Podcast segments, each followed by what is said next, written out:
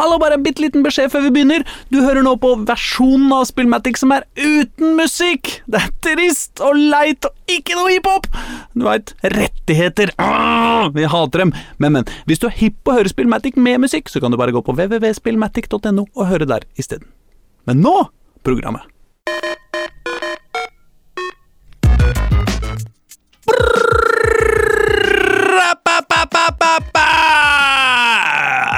Bum, bum, bum, bum, bum. Er livet litt trått nå når vinteren kom tilbake? Alt stort blir liksom smått, og alt godt smaker lake. Er verden litt kjedelig mens du venter på PS5-levering? Du føler deg hederlig og trykker på FM, men det skjer ingenting. Da må du huske at snart er det sommer, alt ruskevær fordufter, sjøltilliten vokser flere tommer.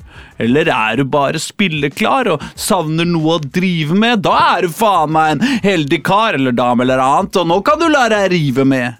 Men er det fare på ferde? Da er det faen ikke meg du skal klandre, men velkommen skal du være, mine damer og herrer. Og andre. Du hører nemlig på Spillmatic, verdens beste radioprogram om dataspill, hiphop og slapp for depresjon som hver eneste onsdag fra 9 til 10 stapper øret ditt fullt av deilige gloser om nettopp de der greiene. I live og direkte fra Radio Novas lyse og trivelige lokaler på Oslos beste vestkant er meg, Aslak Borgersrud. Det er Erling Rostvåg, det er Øystein Engedal, og det er faen takke meg Thomas Marinovskij også. Og så deilig kan altså livet være, og så deilig er det altså i kveld. Og så er folk utakknemlige likevel! Hæ? Faen, altså. Men, men, dere får være velkomne likevel, for så greie er vi. Og velkommen hit, alle sammen. Yeah. Yeah! Hei. Hei, hei, hei. Der er Thomas også direkte på link fra ute i den store vide. Går det bra med deg, Thomas? Det går fint her, ass. Ja, så trivelig, da. Er du eh, trygt plassert godt utafor hovedstaden? Godt utafor ring både i 2 og 3. Å ja. Ja, det, Alle kan ikke være perfekte, og heller ikke du. Nei. Nei. Hva med deg, eh, Erling Rostvåg? Er du i eh, toppform? Trygt plassert inne i hovedstaden. Ja. Eller akkurat nå, da. Men så bor jeg jo utafor, da. Så. Men ja, det er toppform. Jeg kan ikke si noe annet når, jeg har, når det er så lenge siden sist jeg var på sending. Nei, det er det. Vi har jo ikke hørt eh, eller sett noe til deg på år og dag og måneder og uker og timer og alt mulig. Det er årsmøtesesong nå, vet du. Fy faen, Det høres veldig deprimerende ut når du sier det på den måten. Ja, men det er ganske slitsomt i mars, altså. Så er det liksom sånn Det er jo årsmøte i alt fra barnehager via borettslag til idrettsforeninger. Og det er jo, de kommer jo bare på rekker og rad som perler på en snor. Og onsdag er en veldig populær årsmøtedag. Ja. Eh, Og de må skjerpe seg. De må vite at onsdag kveld er det Spillmatic, liksom. ja. Kanskje de hører på på podkast. Ja, kanskje det, vet du. Eh, det har vært en eh, artig uke, og, eh, og kanskje spesielt i idrettsforeninga, må det vel være lov å si. Ja, altså uten at vi skal hovere for mye på eteren, så er det jo sånn at undertegnede og et par andre gikk med noen meget kritiske spørsmål og en tykk bunke papirer inn i, i Vålerenga Hockeys årsmøte forrige fredag. Eh, og resultatet var jo ny styreleder og, og nesten helt nytt styre. Eh, så det ble, og, og noen heftige beskyldninger på kryss og tvers. Så det har vært en dramatisk uke. Det har det. Ja, hjalp ikke å være med på Kompani Lauritzen. Det hjalp ikke å være med på Kompani Lauritzen, dessverre. Nei, altså, det skal sies. si. altså, Vålerenga hockeyårsmøte var fredag, var ikke det? Og så var det altså kickoff for Vålerenga eh, A- herre-A-lag eh, på lørdag, hvor både du og jeg var på, på scenen i regi av en annen og konkurrerende podkast. Det var sist gang vi snakka sammen i en podkast. var forrige lørdag. Ja, det var faktisk det, nemlig Trikkeligaen, verdens nest beste podkast, må vi jo kunne si uh, her, da. Eh, Og så har vi jaggu signa både ny sportssjef og eh, ny høyreving eh, siden sist. Men samme det! Eh, hyggelig har det vært, i hvert fall. Øystein Engedal, Ja. du og ditt uh, Lyn har jo derimot uh, debutert på deres nye hjemmebane Grorud Arctic Match. Ja da!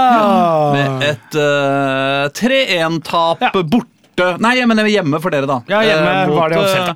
Mot Ja. et, eh, et lag med, med, med, Ja, et pent og flott lag med vakre drakter og Ja, det vet jeg ikke, men farger, og... det var ikke en kamp jeg eh, husker var, men det er greit. Uh, Men, jeg møtte, Ja, da, men det, Med nye måte, toppserieprinsippet så er det ikke så farlig uansett, si. Eh, det har jo ingenting å si. Så. Nei, det å si. Det si.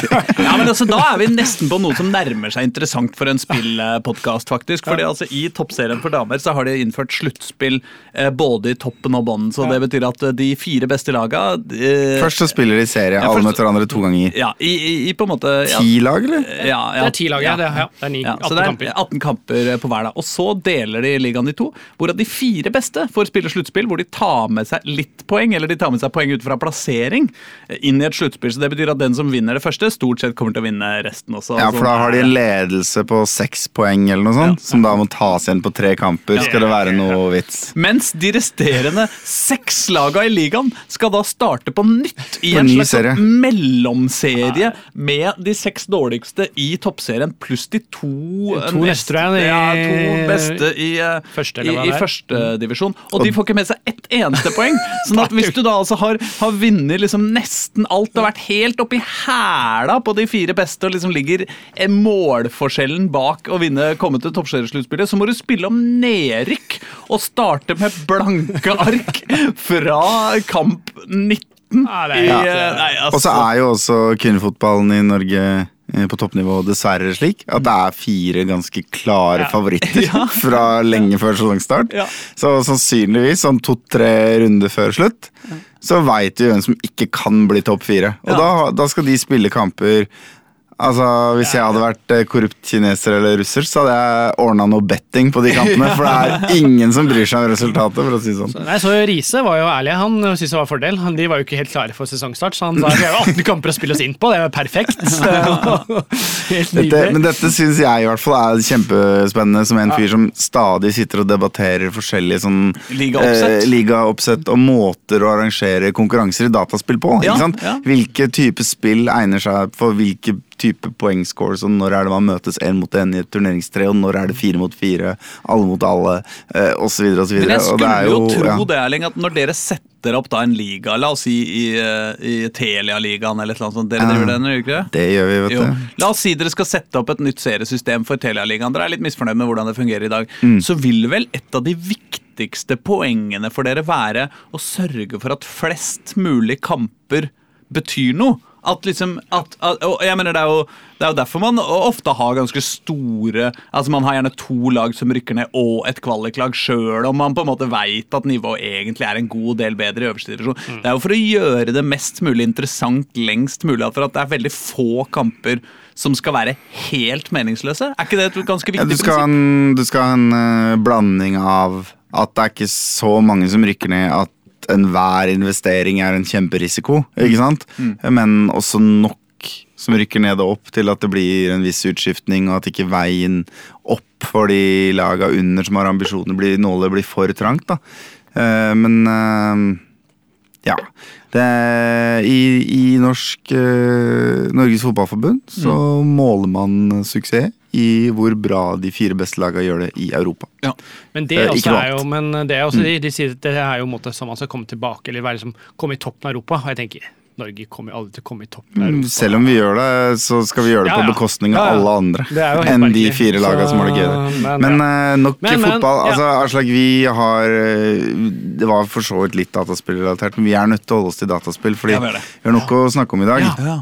Hva Jeg- mener du, Har vi en, en spesiell type sending? Jeg liksom? tror kanskje sendinga blir stappfull. Og det, derfor så bør vi komme til saken. Ja, mm. oss, eh, det, Da lurer jeg på om jeg rett og slett skal, eh, skal eh, dra tilbake til Frogner, eller hva det heter ute hos deg, Marinowski. Lurer på, Har du spilt noe artig eller kjedelig eller gøy siden sist, eller? Frogner er ikke så langt unna, Nei, det er det ikke det? Nei, det er, øh, det er litt sånn opp, opp mot øh, opp nordover og forbi Lørenfallet. Og så kjører du litt sånn øh, en svingete vei, og så kommer du til Frogner. Ja. Som, ikke, som jeg ikke visste. Jeg visste ikke at det fantes et sted som heter Frogner, som ikke var på Frogner. Nei? Men, men det er altså det.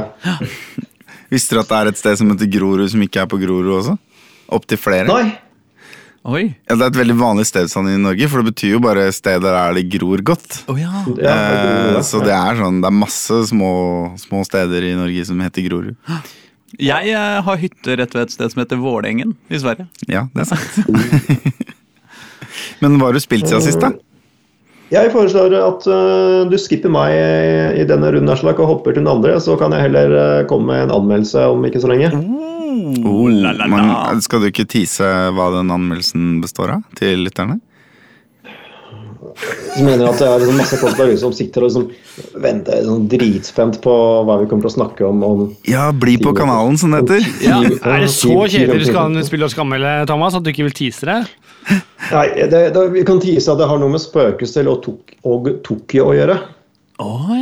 Ja, ikke sant? Ja, ja, ja, jeg tror jeg knakk den rebusen, faktisk. Eh, Jeg er nå glad for de folka som ikke har lest eh, introteksten til podden, holdt jeg på å si. Altså de som ser det, Mm, mm. hører det på podden. Ja. Ja, Uh, og heller ikke tok den. Da. de, For dem blir dette kjempespennende. Det blir kjempespennende. Og for de som hører på radio, selvfølgelig, som jo tross alt er uh... Bli på kanalen, da! Ikke bytte ut DAB-radioen din nå, liksom. Det er ikke nå du skal vrake den og forbanne NRK, Riks og alt mulig. Nei da. Eh, men eh, hva med deg, Erling? Har du, eh, skal du også bare tease, da? Eller har du faktisk spilt noe siden eh, det 1998, hvor du bare er sist? Nei, jeg, har- jeg har ikke noe annen... Ja, egentlig så har jeg lyst til å snakke litt mye om et spill, men det er jeg ganske sikker på at det er anmeldt. Oh, ja. uh, så det blir jo en slags sånn derre eh, DLC-anmeldelse. Ja, ja, Eller noe, er kanskje. fint. Eh, men jeg kan bare først si at jeg har spilt uh, Jeg har blitt litt sånn ordentlig hekta på League of Legends, og det tror jeg jeg har nevnt før, da, men jeg liksom, nå begynner det å bli noen hundre timer i det spillet. Um, og det viste seg å være kjempenyttig, for i dag solgte jeg et foredrag om eh, netthets og mobbing i dataspill. Og da er jo masse fine, eller ufine, erfaringer fra League of Legends community, som jo er viden kjent for å være et av de mer toxic communityene i hele verden. da. Men det var jo en nyttig erfaring å ha med seg når man skal snakke med 14-åringer om, om hvordan man eh, håndterer hets og mobbing og, og edgelording med hakekors og alt det der pisset der. Så Eh, League of Legends, altså. Et eh, veldig bra spill. Et ganske ræva community. Ja, det er såpass, ja. Nei, Det er litt opp og ned, men noen, noen kvelder så har man det kjempegøy, og så møter man eh, to-tre folk som gir litt faen, men på en hyggelig, glad måte, og, og sier 'sorry, jeg er ikke så flink', eller 'jeg er litt full akkurat nå', eller et eller annet sånt, og så liksom blir det liksom koselig stemning, og så foreslår de å spille neste kamp om igjen, og så er det ganske gøy. Og så andre kvelder så har du liksom en litt sånn halvbra match. Tenker jeg må ha en, en kamp til og gjøre det litt bedre og få godfølelsen. Det er jo veldig sånn eh, dopamin eh, chasing the wave-aktig måte å spille på. Du skal ha det ene gamet hvor alt sitter. Og så neste game så starter du kanskje bra, og så er det en fyr som gjør det dårlig, men skylder på alle andre for at den gjør det dårlig, og så bare begynner stemninga å gå sånn nedadgående spiral. Og så blir det ganske sånn kjipt, liksom. Altså, du har liksom en fyr som konstant bare forteller deg hvor jævla dust du er, og så, er, og så driver han hele tida bare løper inn i fienden og dør og ødelegger alt hele tiden. For hele laget, og åpenbart koster oss seieren, og så tenker du sånn Åh, nå ble jeg så dårlig humør. Jeg kan ikke legge meg med så dårlig humør, så du tar én kamp til. ikke sant? Og hvis den da også er Ja, da så jeg kan ha kvelder hvor jeg liksom blir i ordentlig godt humør av å spille League of Legends. Kanskje sammen med to kompiser og resten randoms. Og så har jeg noen kvelder hvor jeg bare blir genuint deppa og angrer på at jeg skrudde på spillet. liksom. Og det er Det er lotto. Du, du veit ikke før du skrur på hva slags kveld dette blir. Så det, det er vel det jeg har å utsette på det spillet. Men uh, jeg elsker spillet, altså. Sånn eh, konseptet, balansen, eh, mekanikken. All, alt, alt som er med selve spillet å gjøre, er kjempegøy. Skal jeg gå rett på den andre tingen òg, som jeg ville liksom anmelde litt sånn skikkelig? Eller skal vi snakke litt om hva du har spilt siden sist, Aslak? Nei, skal vi, ikke, skal vi ikke komme tilbake til det, det andre og større og mer dramatiske, Ja. si, etter hvert? Ja, jeg har skutt mye med pil og bue, da, for å være min teaser. Mm. Da, da, da tar jeg, tar jeg en, en, eh, en råsjanse jeg å gjette på at det er uh, Olympic Archery 1996. Nei, nei, nei, det er Links crossbow training. Nei da. nei da, det er ikke Nei, det. høres ut som en eh, Det høres definitivt ut som en sånn tech-demo til til første Wii-spillet. Mm. Hva med deg, Engedal? Uh, jeg har endelig kommet meg i gang med siste spill av Mass Effect-serien, som jeg jo driver og pusler med. Så nå er jeg på Mass Effect eh, 3. Uh, koser meg med det. Um, foreløpig må jeg si at det, fortsatt Andromeda igjen. Hva sier du? Mm. Du har fortsatt Andromeda. Andromeda igjen. Ja, Ja. Det, det fins flere. Ja. Ja, så det er ikke på det siste. Nei, sant, det er sant. Eh, Jeg, jeg trekker, beklager det. Så Men er det er det siste i Shepherd-trilogien. Ja, ja. Mm. det er det. Så det har mer siste med med, tall Ja. foreløpig. ja. For Det det fins ikke noe Andromeda 2. Nei, ikke ennå. Nei, og så fins det et mobilspill òg, men det kan vi sikkert tror forbigå i stillhet. Så, nei, nei, men kos meg med det. Foreløpig så begynner jeg for, altså jeg, Foreløpig så står jeg at toeren er eh, det beste. Det jeg liker best. Men treeren yes. yes. Eh, Men eh, treeren kommer seg. Eh, det er ikke så lett å spille på treeren der, sånn sett. Men jeg må si det eneste irriterende nå, jeg er på et, i et sånt slags Quest-måte der, eh, og som er sånn i, på Omega, så jeg ikke si noe mer, måte, for de som ikke vil der. er et Ganske ganske, gammelt spill. spill. Ja, det er ganske gammelt det er lov å spoile Ja. Mass Effect 3. Eh, og det er en sånn grei skuring ganske lenge. Jeg spiller på normal, ganske grei skuring, liksom, til jeg nå kommer til egentlig mer enn den siste delen. Og så plutselig er det som én sånn siste battle som er bare sånn sjukt mye vanskeligere og mye mer kaotisk enn alle de andre. da. Ja. Og det merker jeg er litt sånn irriterende, fordi du måtte Jeg merker jeg satt der og liksom Ok, dette satt og spilte en god stund. Fikk litt sånn take på det, og så ble jeg drept, og så bare folk til Så ble jeg bare irritert. da. Altså, Jeg skulle gjerne hatt litt mer sånn oppbygning til det, for det, du blir så veldig satt ut av at det var en Oi, shit, det her var jo noe helt annet enn resten der, så Hva slags boss er dette her, da? Nei, øh, det er øh, hun Aria, hun øh, blir satt fast i en slags sånn derre øh, Strappa med noe øh, altså på et eller annet sånt Hva, skal du kalle det? Altså en elektrisk greie som må skru av måte, det en festes med, og så er det masse sånne slags spøkelses... øh, folk som driver og tar deg, som er ganske vanskelig å ta. Dette, Jeg husker ingenting av det, Nei, men de- det de er sier sånne- jo litt om kvaliteten på på det ja. tredje spillet. Ja, og de er veldig sånn-. Du må egentlig bare skyte dem veldig veldig mye, så går det greit. måte, Men det er litt sånn kaosaktig. og det er ikke noen, Jeg liker ikke steder hvor du ikke kan ta litt sånn hjemme deg, ta en liten pause Mm. for å komme deg. Det er veldig få av de stedene å finne, da, og da blir alt veldig sånn ka kaotisk. Er, Men uh, du burde sjekke om på en måte For sånn som jeg husker det, så har du tre typer damage der. Du har Ja. sånn uh, Uh, Du har kuler, og så har du sånn force-aktig Ja. damage, og så har du sånn rip damage, eller Ja. som river armor. Og hvis du finner ut hvem av de tre som tar disse Som hindrer deg å gjemme deg bak i boks, uh, og så bare får du dine allies til å spamme det på du de, så one-shotter du dem sikkert. Du har ikke noen allies ingen allies, nei. Det er det, så du er aleine. Okay. Ja, hvis du er allies, så går det ofte enklere, og du har mista mot alliesene. For den, der, da, så det, men det, altså, det vil jo sikkert gå greit. Jeg måtte bare merke at må- Da må jeg stoppe spillet, liksom. Eh, Da var det ganske seint, så jeg måtte bare ok, nå må jeg bare ut av det, for dette sitter bare og irriterer meg. Litt sånn som du snakker om Legion Legend. da. Ja. Uh, og så heller bare sitte og se noe på TV, og så tenke ok, jeg må tilbake til det, liksom. Men, uh, Sove på det. Sove på det, rett og slett. Så, så der er det. Men jeg skal nå fortsette på det. eh, Få spilt eh, ferdig den også. Men du likte Mass Effect 2 bedre enn nummer én? Ja, og det tror jeg hadde litt med at uh, eneren er litt sånn klønete og litt mer gammeldags. Altså, Ja. På toeren så merker du mer at de har klart å henge liksom, etter. Det, det passer mer i dagens uh, Ja, teknologi, da. Fordi jeg prøvde remasteren av eneren for en stund tilbake, og det er jo et kontrollregime og en clunkiness som bare ikke har tålt tidens tann, men jeg, jeg storyen og likte storyen og måten man på en måte etterforsker og finner ut av ting på, egentlig best i eneren. da. Ja. Og så blir jo toeren et actionspill, og treeren er jo åpenbart sydd sammen for å gjøre noe med multiplayer, og det dessverre ødelegger litt av spillopplevelsen, syns jeg. da. Når du kommer inn på steder, og så er de sånn helt symmetriske. Fordi dette skal være et multiplayer-bane. eh, og liksom, ja, ting er mye mer liksom basert på at det skal være action, action, skyting, skyting. Ja. Og det likte jeg med toeren, at du har egentlig også litt sånn rolige partier. Da. Du kan eh, probe rundt der på disse planetene og sånne ting, at du måtte, kan Mm. ha litt med en del der, da. Men, eh, men jeg trives med det som er eh, mye, probing, mye probing i toeren, vet du. Absolutt. Probing i toeren, det er ingen Veldig tvil mye om. probing i toeren, faktisk. Ingen tvil om. Så der har du mitt liv, da. Jeg kan Ja. Selv også skrive litt under på det dere sier, for jeg har også drevet og pusla litt med det, den re, uh, remastered-trilogien. Uh, egentlig bare kommet til eneren, og så kom det andre ting å spille. Men, eh, men jeg syns også, litt som Arning sier, den er, eh, den er clunky eh, og utdatert. Men, eh, men den universbyggingen er jo jævlig bra, da. Ja, ja. I eneren. Men Ja. eh, det holder seg overraskende godt. Det er noe grunn- det er en grunn til Eh, man måtte- Som dialogene og ja. Det er en grunn til man kommer seg gjennom spillet selv om det er clunkiness. da, så Mm. Kom meg gjennom spillet uten at jeg liksom følte at jeg, liksom, dette her er kjipt, liksom, eh, på samme måte. da. Mm. En av mine store grievances, altså sånn Jeg er regelrett forbanna på Mass Effect-skaperne, er jo hvordan de i det andre spillet skriver ut alle raser som ikke er humanoide.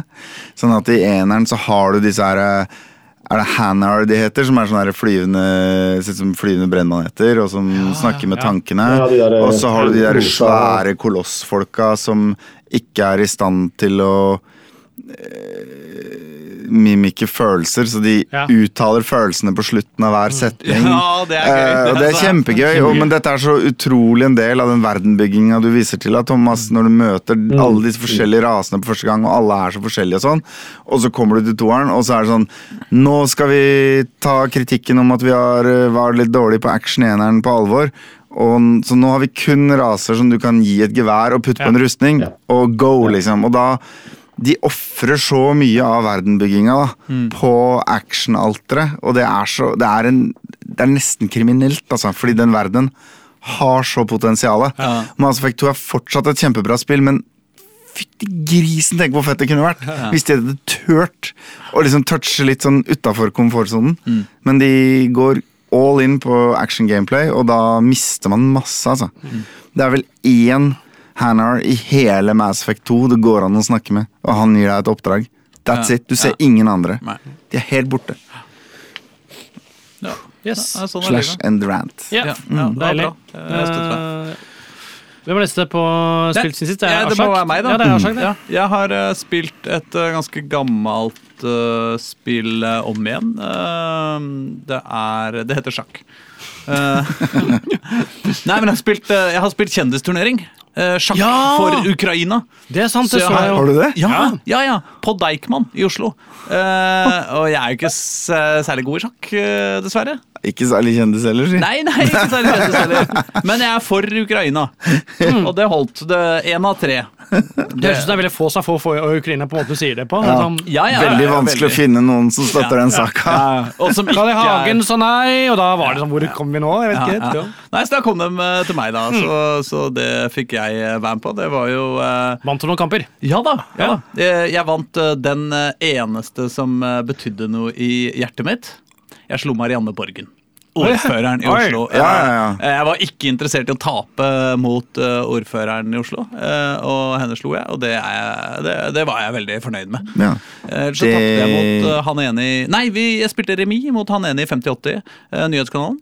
Okay, det var et veldig gøyalt parti. Vi bare skravla tull. Og begge gjorde så store feil at det var helt dust. Eh, Jeg blant annet satte dronninga mi i slag eh, uten å merke det. Heldigvis merka heller ikke han det. Eh, Så det gikk bra. Eh, Publikum sa sånn Nei, det der er feil. eh, Det der er ulovlig trekk. Å ja, faen. Jeg sa, han, satte, han satte kongen sin i slag, ja. ja nei, det er ulovlig, Ja, ja. det er ulovlig. Men eh, Eh, er det, var det hurtigsjakk du spilte det- Ja, eller? det var åtte minutter eh, pluss to sekunder per, okay, ja. per trekk. Så hva, hvor, hvor eh, ble det streama, eller var det bare publikum som Ah, Nettavisen donerte hadde penger? En, hadde en sending, og så lurer jeg på om kanskje noen hadde betalt seg, jeg veit ikke. Eh, men de skaffa i hvert fall helvetes mye penger. Ah. Uh, skaffa en million kroner, liksom. Spennende. Eh, jeg veit ikke, men det var liksom en og annen sånn toppleder der, så jeg tenkte kanskje de hadde betalt seg. Jeg veit ikke. For å få lov å spille med kjendisene? Ja, ja, Ja. kanskje. For, for, for å spille mot meg. Så på en måte det var det. Ja, Ja, var det Det er du er, eh, 1580 ja. Nyskap. Men nå er jo du plassert øverst i Oslo-politikken eh, når det kommer til i gallionsfigurhierarki, da, nå som Ja. du har slått ut ordføreren. Ja, i bokse, i, Hvis det var bokseregler, Ja. eh, på en måte, så ville jeg nå vært ordfører i Oslo. Det er sant. Ja. Det er. Eh, det er sant. Ikke så mye reell makt, men eh, en viktig, viktig ansikt for byen. Absolutt. Eh, så tapte jeg mot Harald Eia, da. Det var selvfølgelig surt. Ja. Jeg, kan jeg si at jeg var ikke så overraska? Nei, men han, eh, han framstår jo eh, Alle tror at Harald Eia er en god sjakkspiller. Han er ræva. Ja. Okay. Ja, ja, ja, Han fremstår jo som en god, Ja. sånn OK, habil jeg, jeg tror jeg ville tatt han hvis jeg var eh, on top of my game, men, men det er bare at når det plutselig Altså, det er helt sjukt, liksom! Når du plutselig sitter der, og det er publikum, og du veit at Torstein Bae kanskje kaster et blikk ned, og han er lalum, liksom, og det går forbi, liksom, og er dommer. Altså, du spiller så jævlig mye dårligere enn vanlig. Det er helt sjukt hvor dårlig Kan du tenke deg hvordan det er å sitte på scenen i sluttspillet i Telialigaen? Ja, det tror jeg er eh, Nei, men det er noe med at én ting er liksom ting du må gjøre som er sånn eh, mer sånn praktisk, da. Men sånn der, det, det der å liksom ikke overse sånne grove feil Frykten for å ta feil Ja, valg. Ja, ja, ja. Nei, det er, eh, det er heftige greier, altså. Um, men uh, sånn er livet. Ja. Uh, og det var jo uh, Nei, det er på en måte min store spillopplevelse denne uka. Det må jeg innrømme. Ja, ja, Ja, ja. det er større enn min. Men da lurer jeg på, som bror altså eh, Da tror jeg vi skal ta og spille en rapplåt. Ja, som, kan vi gjøre. eh, hvis vi er heldige, så har Smart 9000 levert noen helvetes bra ukrainske rapphits. Nei, vi starter med Will Smith, vi. Oh, ja, vi starter med Will Smith, ja, ja, ja. Keep it on subject, liksom. Ja. Og låttittelen er fantastisk. Wave them off. godt råd, Will. Eh, hm, kanskje Burde tatt deg det sjøl. Ja, det.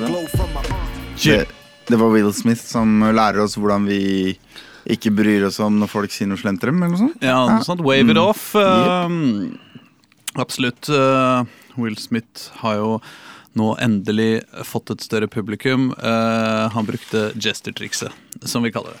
Um, uh, da skal vi til out til Chester! Po, po, po. Uh, Thomas Marinowski, nå er det på tide at du Hei. avslører svaret på gåten. Hva er det som har både med Tokyo og spøkelser å gjøre? Jeg har veldig lyst til å si Ghostface Killa, men uh, det er det ikke. det, er, eh, det er et spill som heter Ghostwire Tokyo, som kom eh, nylig Ja, til, eh, til PlayStation 5 og PC. Eh, så det har jeg drevet og testa litt eh, i det siste. På PS5, da, eller? Ja. Eh, det er jo et spill som er laget av eh, Tango Gameworks. som er en del av Bethesda, og som da altså er egentlig en del av Xbox. Men de har jo fått lov å spille å slippe noen spill til, til PlayStation 5 eh, før det liksom oppkjøpet blir uh, gjeldende. ja men Én ting er jo at de får lov til å slippe det til PlayStation 5, men de slipper det altså ikke til Xbox? Jo, jo, det kommer et år seinere. Oh, ja. Altså, ja. det, det har jo vært en eksklusivitetsavtale der fra før. ja, med og Bethesda og PlayStation, ja. Ja, så Microsoft er liksom honor av det, da, ikke sant? Ja. Uh, imot at de kommer på GamePass uh, et år seinere. Så i fjor så var det jo Deathloop som eh, ble lansert på den måten, og nå er det eh, Ghostwire. Hmm. Um, men uansett, det er um, altså utviklerne som en gang i tiden har laget disse Evil Within-spillene. Um, altså de, de to skrekkspill som jeg faktisk aldri har spilt, så jeg har ikke noe formening om dem. Men Jeg vet at uh, de er sånn Det er vel litt sånn midt, midt på treet anerkjent.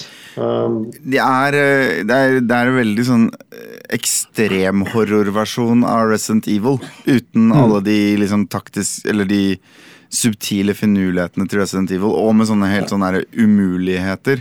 Og så gadd jeg ikke spille, for jeg syntes det ble for teit. Og så har noen i ettertid fortalt meg at det er en veldig smart måte å si noe om hva er ekte, hva er ikke på. Kanskje. ok, Ja. dypt. Sorry. Anyway.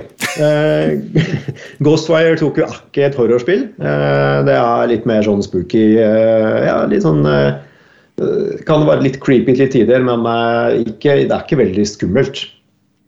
Så greia er at eh, du spiller som en kar, en japansk fyr som bor i Tokyo. Og det skjer noe jævla rart i Tokyo. midt, midt i Shibuya-krysset.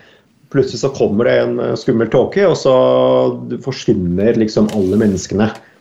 Uh, mens eh, du som hovedperson blir på et eller annet vis skålnet fra det. Og så, og så blir du slått sammen med en, med en spøkelse som på en måte bor inni deg og snakker med deg.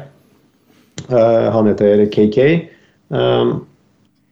Eh, og så, så greia er at man får litt sånn uh, symbiose, nesten en sånn buddy cop-følelse, fordi de driver og liksom småkrangler med hverandre hele tida. Um, og han forteller liksom uh, Han gir på en måte deg en introduksjon til denne spøkelsesverdenen som uh, Ja, fordi Tokyo er på en måte blitt da Alle menneskene er borte, og, og, og gatene er blitt overtatt av, av liksom weirde japanske spøkelser.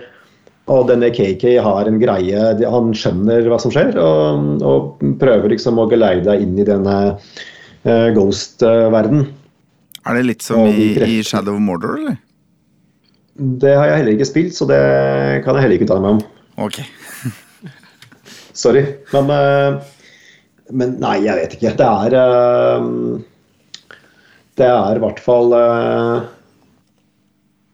en veldig god, uh, veldig god stemning. Altså det, det, ser på en måte veldig kult ut. Uh, hva skal jeg si? Det er jo Spillet foregår i Tokyo, ut, ute liksom i, i gatene. Uh, så det er Det er på en måte veldig interessant. Altså du, du går liksom gatelangs, og det er helt folketomt.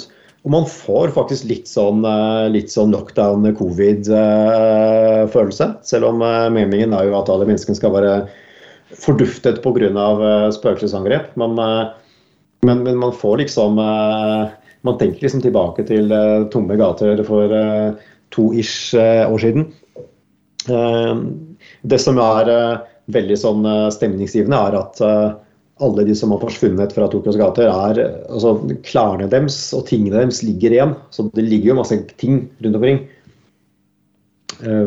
Det ligger liksom paraplyer, og det ligger uh, mat og liksom, ting som de har etterlatt seg. Så det, det, gir en litt sånn uhyggelig, uhyggelig stemning. Men uh, altså, gatene er jo veldig liksom, godt uh, realisert. Det ser, det, ser, det ser veldig kult ut. Det er veldig troverdig. Jeg har jo gått litt i gatene i Tokyo sjøl, riktignok så var ikke de folketomme, men, men det er veldig troverdig gjenskapt. Og det er jo en, er jo en åpen verden, så du, du kan gå uh, hvor du vil, ettersom du låser opp uh, diverse områder av byen. Så du kan ikke liksom gå hvor du vil fra starten av, fordi det er en tåke som dreper deg hvis du nærmer deg den. Men når du låser opp sånne shrines, så kan du gå lenger og lenger ut i, i bydelene. Kan, bare, kan vi spole litt tilbake, Thomas? Selvsagt. Er, er, jeg snakker i tredjeperson eller førsteperson? Nei, det er førsteperson. Det er førsteperson. Og, og er det liksom en klassisk Du skal bare komme deg gjennom, og så er det fiender overalt? Eller skal du drive og lete etter ting og snakke med folk og sånn?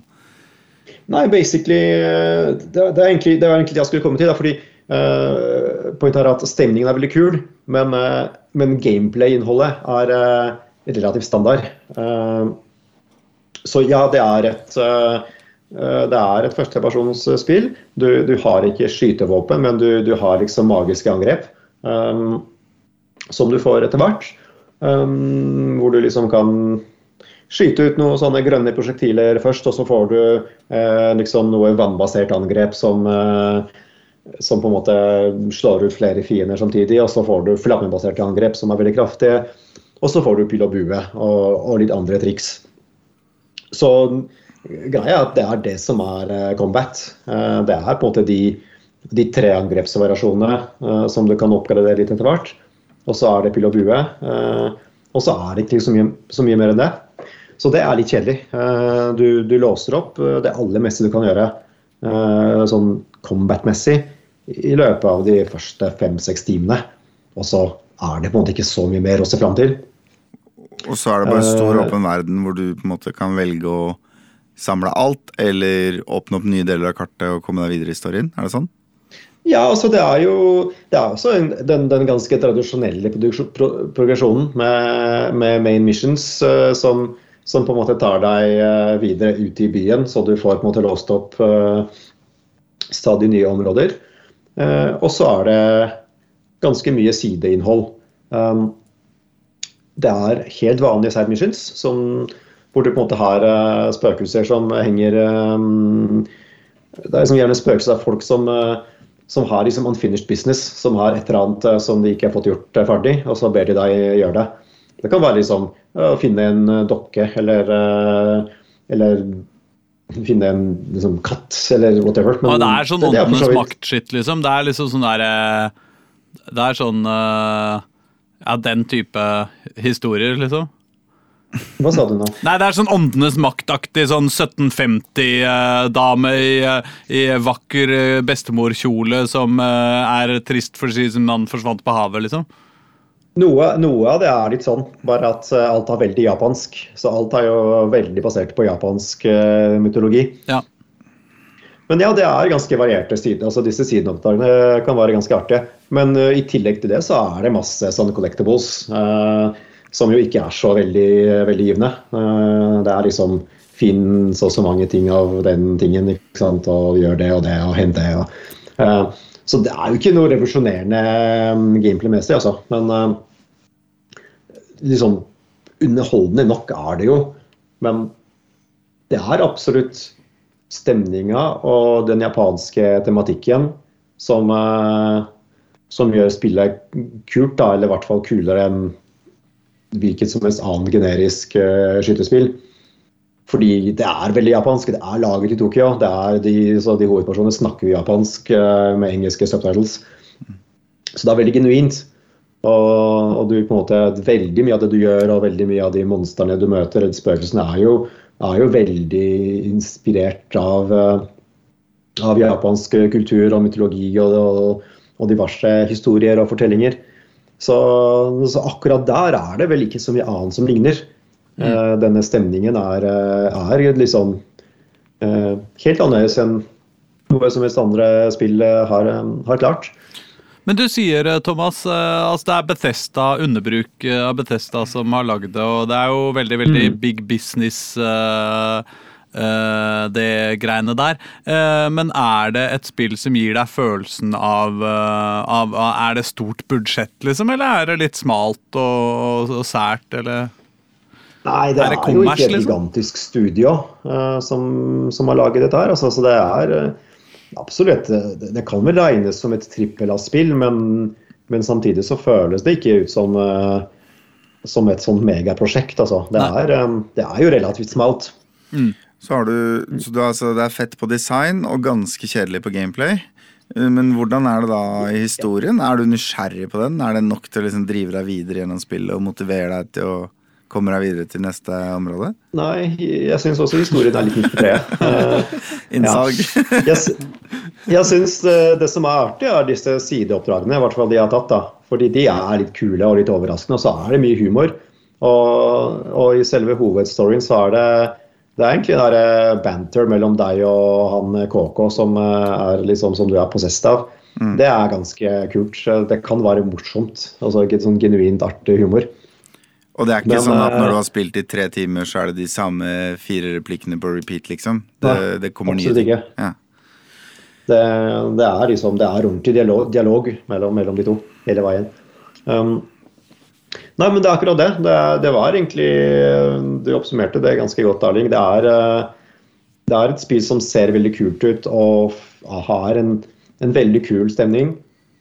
Men, eh, men gameplay er ofte ganske generisk.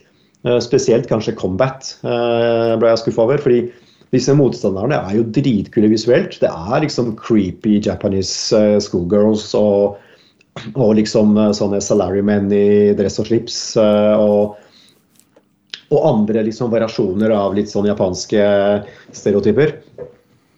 Som på en måte kommer i spøkelsesform og, skal ta deg. Uh, bare at uh, selve kampfølelsen uh, er veldig sånn statisk. De, disse spøkelsene bare, liksom, bare, kommer mot deg, og så skyter du bare på dem med, med disse tre-fire angrepene du har.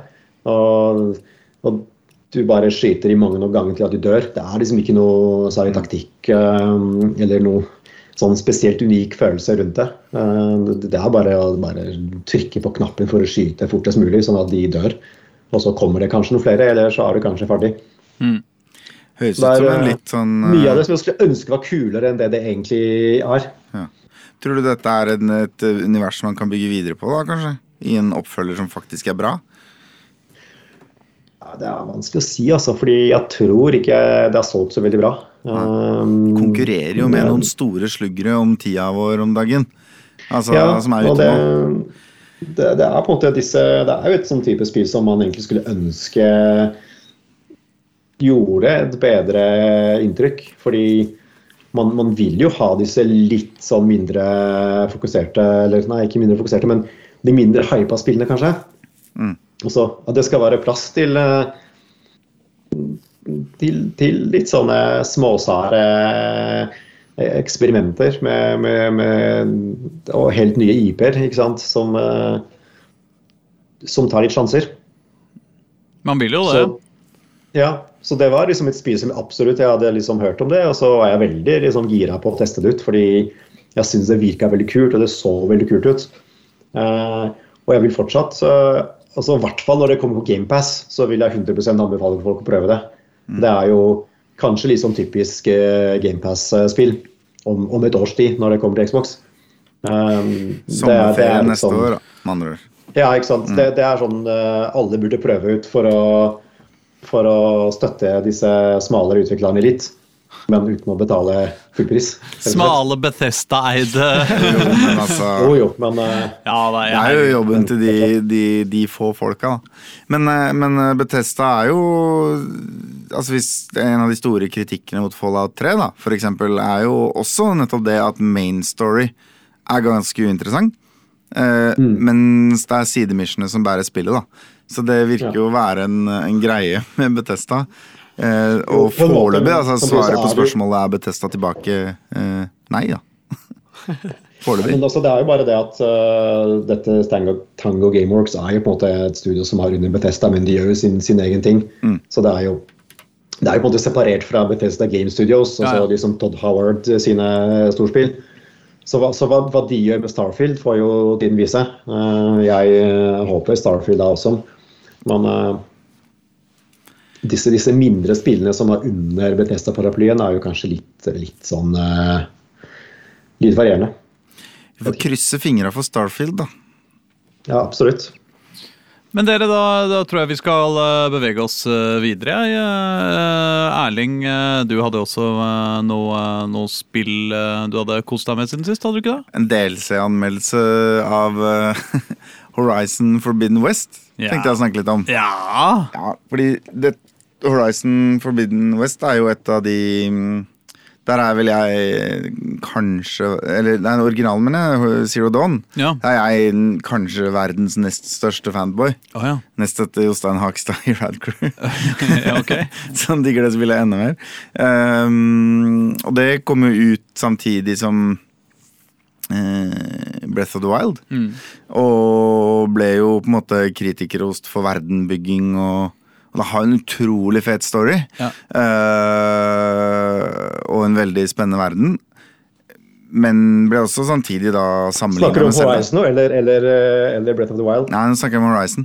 Uh, ble sammenligna med Selda. Ja. Uh, og kritisert for å være ikke åpent nok, ikke utforskende nok. Ikke det kommer jo da samtidig med kanskje det mest åpne, utforskende spillet noensinne. Ja. Samme ja. uka. Ja. Så mitt inntrykk er at folk som spilte Selda først, liker det ikke. Hvis oh, de spilte dem rett etter hverandre. Mens folk som spilte Horizon først, elsker det. Uh, og det har nok litt med forventninger og sånn å gjøre. Mm. Så nå kommer jo toeren. Jeg, spilte ikke, jeg spilte ikke Zelda, jeg spilte Horizon først. Ja. Og jeg syns det er et av de mest oppskrytne spillene innenfor trippel A-segmentet. Uh, I likhet med oppfølgeren. Takk for meg. Ja. Nei, jeg elsker originalen, da. Jeg syns um, uh, det kommer treigt i gang. Det er jo en gjenganger hos Guerrilla Games. Ja. det kommer treigt i gang i storyen. og er det virkelig en ting jeg skal kritisere oppfølgeren for, så er det jo at det gjør de faen meg her òg. De bruker liksom seks timer på å få deg i gang i storyen. Få på plass noen stakes. Eh, gjør, gi deg motivasjon til å utforske. Jakte, finne ting, eh, mm. bygge ting osv. Og, og, og spillet er også fortsatt litt sånn cluttered med liksom samle, bygge, skill-tre-greier. Det er liksom jeg, Egentlig så er alle konseptene litt kule, men det er liksom 10-20 for mye av alt. Wow. Ikke sant? Eh, når det er sagt, da, så, så, kan jeg kose meg med et litt vanskelig gameplay. Altså prøve å ta ned en kjempedinosaur mm. før jeg egentlig er sterk nok til det, ved å liksom gjøre de smarte strategiske valga i kamp, mm. gjemme meg i tide, skyte av han den ene tingen der, så blottlegge litt uh, et svakt punkt, eller ta fra den uh, laserpistolen den har på hodet, eller liksom et eller annet sånt, og, og på en måte jeg, jeg liker den grunnideen i den har kampsystemet. på hodet. Ja, men de er jo svære roboter. Ja, ja. Og, og storyen i eneren viser seg jo at de er jo faktisk designa for å terraferme jorda. Eh, så alle har sin oppgave. Noen går ut som rundt og er litt sånn jordfresere og sånn, men de har jo da ja, lang, lang historie, men de har blitt litt sånn korrumpert og sånn. Og så har jo disse fabrikkene er jo AI-styrte og har begynt å, å bygge litt andre ting og sånn. Og i eneren så er det en kjempefet story om hvordan en slags eh, sånn Elon Musk-aktig skurk forårsaker jordas eh, ødeleggelse.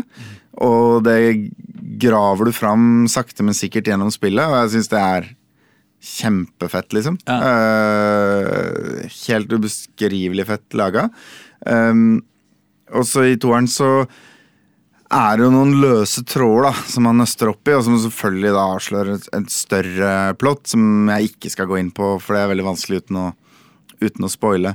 Men sånn plottmessig så må jeg jo si at det, i starten av spillet, og det tror jeg kan si uten å spoile, så er det liksom en greie at hovedpersonen Aloy, hun eh, blir jo på en måte sterk gjennom det første spillet ved å skaffe allianser, ved å klare det mulig, ved å vise verden at de kan holde sammen, og så forsvarer de på en måte sitt Minas Tirith i slutten av eh, eh, i, av eneren, så mm. big showdown, mot liksom en invaderende hær. Og så går det bra.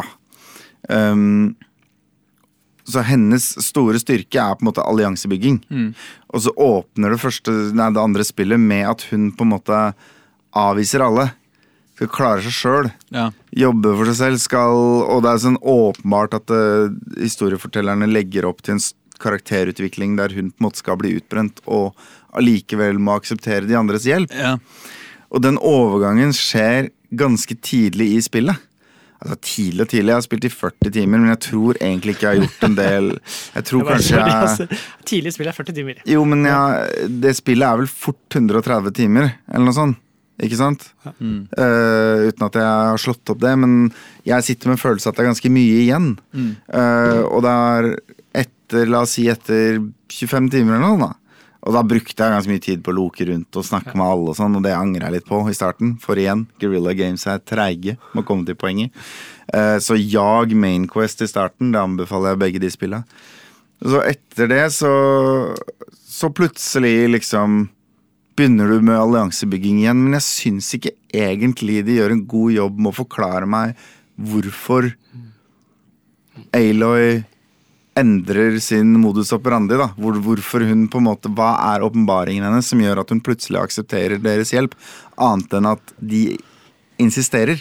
Ganske tidlig i i, uh, I spillet så er en av hennes eldste venner liksom Er der for å hjelpe henne, og hun står opp midt på natta og sniker seg ut fra liksom det huset de sover i, Ja. sånn at han ikke skal følge etter. Og så møter han seinere og sier han, ja, men kom igjen. Og så sier hun ok, da. Og det, der føler jeg liksom Jeg tror egentlig jeg veit hvilken hendelse i det spillet som er ment å overbevise Aloy om at hun er sårbar og trenger alles hjelp.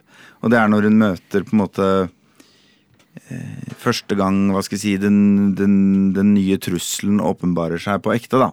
Eh, den første skikkelige antagonisten i spillet her. Da skjønner hun at hun er in over her head, men de evner faen ikke å formidle det på en god måte.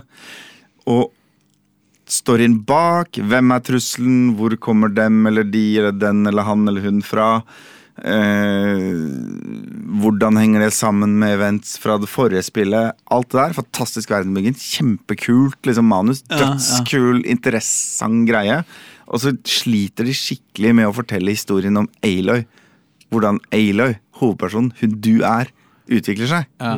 Ikke sant? Det er skuffende, da. Det er på en måte der de mangler. Så de har sittet med veldig mange kjempegode ideer. Ikke sant? Et godt manus på papiret, på en måte.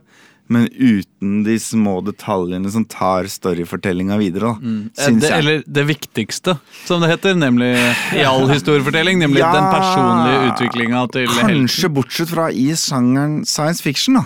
Hvor nettopp poenget veldig ofte er hvordan responderer verden på store endringer, eller store eh, annerledesheter, ikke sant?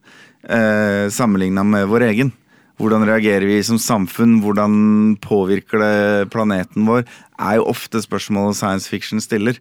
Og det er jo, jeg føler det er den tilnærminga Jo da, men i bunn og grunn så handler jo all historiefortelling om eh, menneskelig endring. Ja, Eh, også i science fiction. Så de har beholdt den, den intellektuelle, nysgjerrige, spennende verdenbygginga som vi også for så vidt snakka om i Mass Effect-delen av science fiction, er liksom intakt og god. Og så er det på personlig planet så er det litt lacking, Ja. hvis jeg kan si det sånn. I hvert fall foreløpig, da. Um, og så må jeg si en annen ting også om to ting om dette spillet Ja. Som er kritikk. Og nå snakker jeg jo som en som elsker det, så nå drar jeg jo fram det jeg misliker. Og så er det faktisk sånn at jeg fortsatt er hekta på spillet og syns det er veldig gøy. Ja. Men det er duk, begynt å dukke opp bugs, liksom. Og dette skal jo være et av de polerte spilla. Et av de hvor ting bare flyter.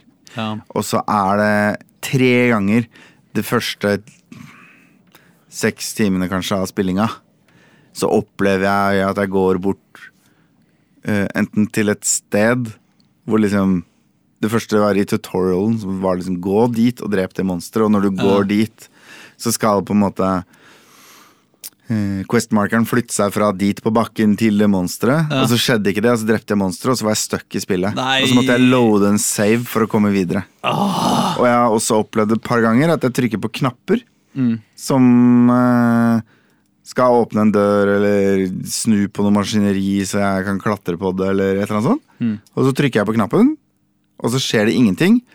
Og så er muligheten til å trykke på knappen borte. Og så må jeg loade en save, liksom. Tre ganger har jeg opplevd det tidlig i, i spillet, da, og da ble jeg da ble jeg litt sånn rasende. Men har du da autosave, sånn- autosave, eller hvordan, hvordan fungerer savesystemet? Gikk Eh, det bra liksom å loade en save? Ja, det er autosaves sånn Noen steder så er det autosaves veldig veldig ofte. Men det er typisk når du går inn i dungeons og sånne ting. Ja. Mens ellers så er det at du går forbi et bål, trykker på en knapp. Oh, ja. Um, og der er er sånn passe tetthet. Så det jeg måtte gjøre i det siste eksempelet her, eh, som kanskje irriterer meg mest, var jo at jeg måtte um, Jeg måtte loade på et bål på en måte eh, sånn 40 sekunders joggetur unna. Ja. Og så løper jeg over en slette, og så må jeg banke tre monstre om igjen. Mm. Og så kan jeg ikke trykke på knappen. Ja. Det er jo sånn passe irriterende. Ja.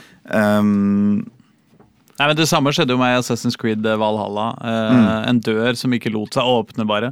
Så jeg endte om å måtte loade. Jeg ble ganske jævla forbanna det òg. ja, det er, det er en av de typene bugs som virkelig kan ødelegge et spill. Mm. Og så må jeg si en ting til, og det er jo at de har jo da forsøkt å ta kritikken av eneren til etterretning og prøve å åpne spillet i større grad. Så Ja. i det første spillet så var det liksom basically bare på bakken ting foregikk, og så var det noen ziplines her og der, og så var det sånn som i Uncharted at du hopper fra gul bjelke til gul bjelke. Ja. That's it, liksom. Ja. Og så skulle de prøve å gjøre det litt friere i, i toeren. Og det jeg vel opplever, er at det, først og fremst så er de åpna for klatring på en del steder jeg egentlig ikke er så interessert i å klatre. Ja. Og så er eh, naturen tegna så naturlig at det er vanskelig for meg å se hvor jeg skal kan holde meg og ikke. Ja. Og det løser jeg da av å trykke på Hun har jo sånn fokus Ja, ja, som gir informasjon. Og så da får du noen gule digitale linjer da istedenfor gule bjelker som du kan holde i.